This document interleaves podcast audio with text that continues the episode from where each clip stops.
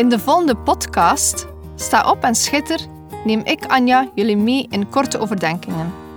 Als christenvrouw, moeder en echtgenote wil ik bemoedigen en aansporen om op te staan en te schitteren. We zijn niet gemaakt om in Gods koninkrijk stil te zitten en niets te doen, maar om op te staan en dienstbaar te zijn. In de eerste plaats zien over God, daarna zien over ons gezin, onze partner of onze geloofsgenoten. En als gevolg zullen we dan ook schitteren in de wereld. Neem je Bijbel bij de hand, want zonder Bijbel zijn we als een kok zonder eten of een zanger zonder stem. Dus luister naar, sta op en schitter.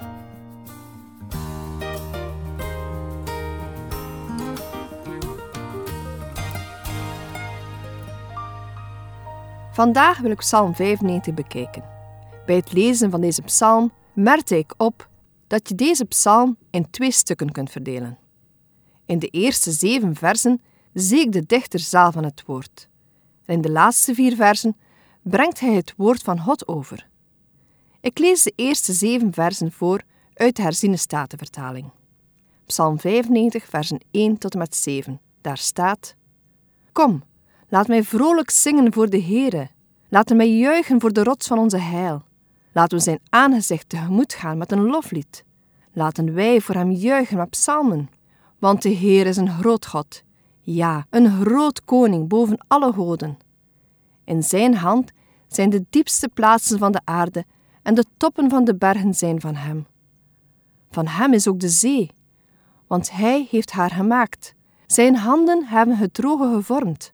Kom, laten wij ons neerbuigen en neerbukken. Laten wij knielen voor de Heere, die ons gemaakt heeft. Want hij is onze God, en wij zijn het volk van zijn weide en de schapen van zijn hand. Het klinkt zo mooi. Kom, laat me jubelen voor God, hem naderen met een loflied, hem toejuichen met gezang. Ook een oproep voor ons. Wij hebben redenen genoeg om dit te doen. Jezus onze rots en redder, laat dus jubelen en lofliederen zingen. De psalmist beschrijft het zo mooi. Want de Heer is een groot God, ja, een groot koning boven alle goden. In zijn hand zijn de diepste plaatsen van de aarde en de toppen van de bergen zijn van hem. Van hem is ook de zee, want hij heeft haar gemaakt. Zijn handen hebben het droge gevormd. Dat zijn al een aantal mooie redenen waarom we God mogen toejuichen. Maar hebben we ook dit verlangen wanneer het moeilijk gaat? Deze psalm werd geschreven in een tijd met veel afgoden. In zo'n wereld roept Psalm 95 op om God te aanbidden. Ook wij worden opgeroepen om God te loven in iedere omstandigheid. In al onze moeilijke periodes mogen we uitzien naar het beloofde land. Mogen de rust ingaan die alle verstand te boven gaat. En daarom kunnen we steeds God loven en prijzen. In de psalm lezen we over een groot respect. Er staat: Kom, laten wij ons neerbuigen en neerbukken. Laten wij knielen voor de Heere die ons gemaakt heeft. Buigen, bukken en knielen. Een drie-stappen-actie. Maar het is eigenlijk een vier-stappen-actie. Voor we kunnen buigen, moeten we recht staan. We gaan recht gaan staan uit respect. Dit is voor mij de eerste stap. Denk maar aan een bruiloftskoppel die de kerk binnenkomt, of een koning die aankomt bij een gebeurtenis.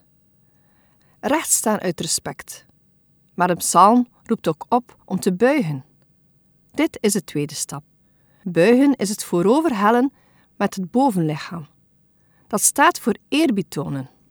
Bij het buigen blijven de knieën recht. Wanneer je naar Japan zou gaan, is het nuttig om te weten dat daar die diepte van het buigen een wel omschreven betekenis heeft. Met een lichte buiging begroet je iemand.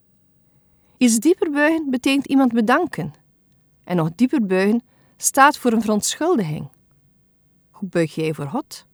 De derde stap is bukken. Bij deze houding ga je knieën al wat buigen en maak je wat kleiner. De vierde stap is op de knieën gaan. Een houding die aangeeft dat je het niet alleen aan kunt. Het buigen van je knieën is een daad van aanbidding.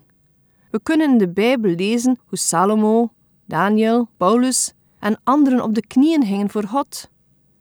In Filippenzen 2, versen 9 tot met 11 lezen we: Daarom heeft God hem ook bovenmate verhoogd en heeft hem een naam geschonken boven alle naam, opdat in de naam van Jezus zich zou buigen elke knie van hen die in de hemel en die op de aarde en die onder de aarde zijn, en elk tong zal beleiden dat Jezus Christus de Heere is, tot heerlijkheid van God de Vader. De Bijbel zegt dat er in de toekomst een moment komt dat iedereen voor God zal buigen. Wat zal dit fantastisch gebeuren zijn? De vraag is nu: hoe gaan wij om met God? Beseffen voldoende wie Hij is? Ik vrees soms doordat we Jezus als vriend zien en Hem zo gemakkelijk kunnen benaderen, dat we het gevaar lopen zodanig familiair om te gaan met Hem dat we het nodig respect verliezen. Neerbuigen, bukken en knielen.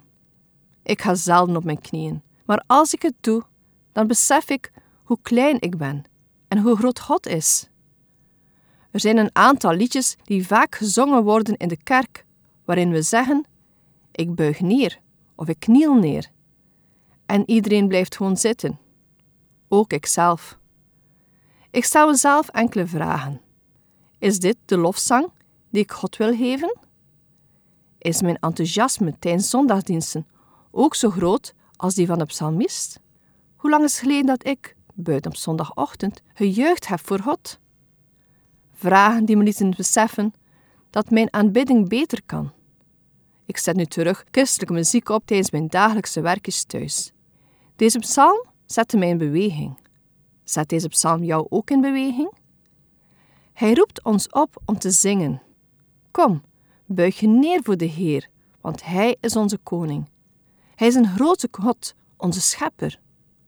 Alles komt uit zijn handen. Hij heeft het met zijn handen geboetseerd. We mogen ons verheugen in God. We mogen blij zijn. Dat betekent niet dat onze omstandigheden altijd geweldig zullen zijn. Dat betekent niet dat we geen verdriet zullen hebben, verlies kennen of nooit ziek zullen zijn. Maar dat betekent dat we te midden van onze omstandigheden mogen focussen op God. In het werk van Zijn handen mogen we zien dat Hij trouw is, nooit loslaat en alles ten goede doet meewerken.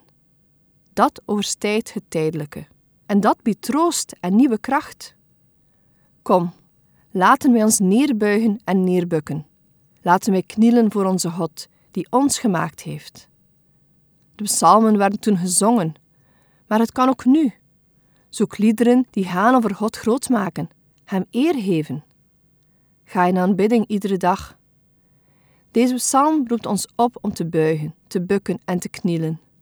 Maar eigenlijk is het niet een houdende regel dat we steeds aan vast moeten houden. Het is wel goed om te doen, maar voor God maakt het eigenlijk niet uit of we buigen, staan, juichen, knielen of rustig zitten. Het belangrijkste is dat we God groot maken met lof en dit met een nederig hart. Nu komen we bij het tweede gedeelte van psalm, waar de woorden van God worden gesproken. Versen 8 tot met 11, daar staat: Heden, indien u zijn stem hoort, verhard uw hart niet, zoals de Meriba, zoals in de dagen van Massa in de woestijn. Daar stelden uw vaderen mij op de proef. Daar beproefden zij mij, hoewel ze mijn werk zagen. Veertig jaar heb ik gewacht van dit geslacht. Ik heb gezegd: ze zijn een volk met een dwalend hart, en zij kennen mijn wegen niet. Daarom heb ik in mijn toorn gezworen: mijn rust zal zij nooit binnengaan.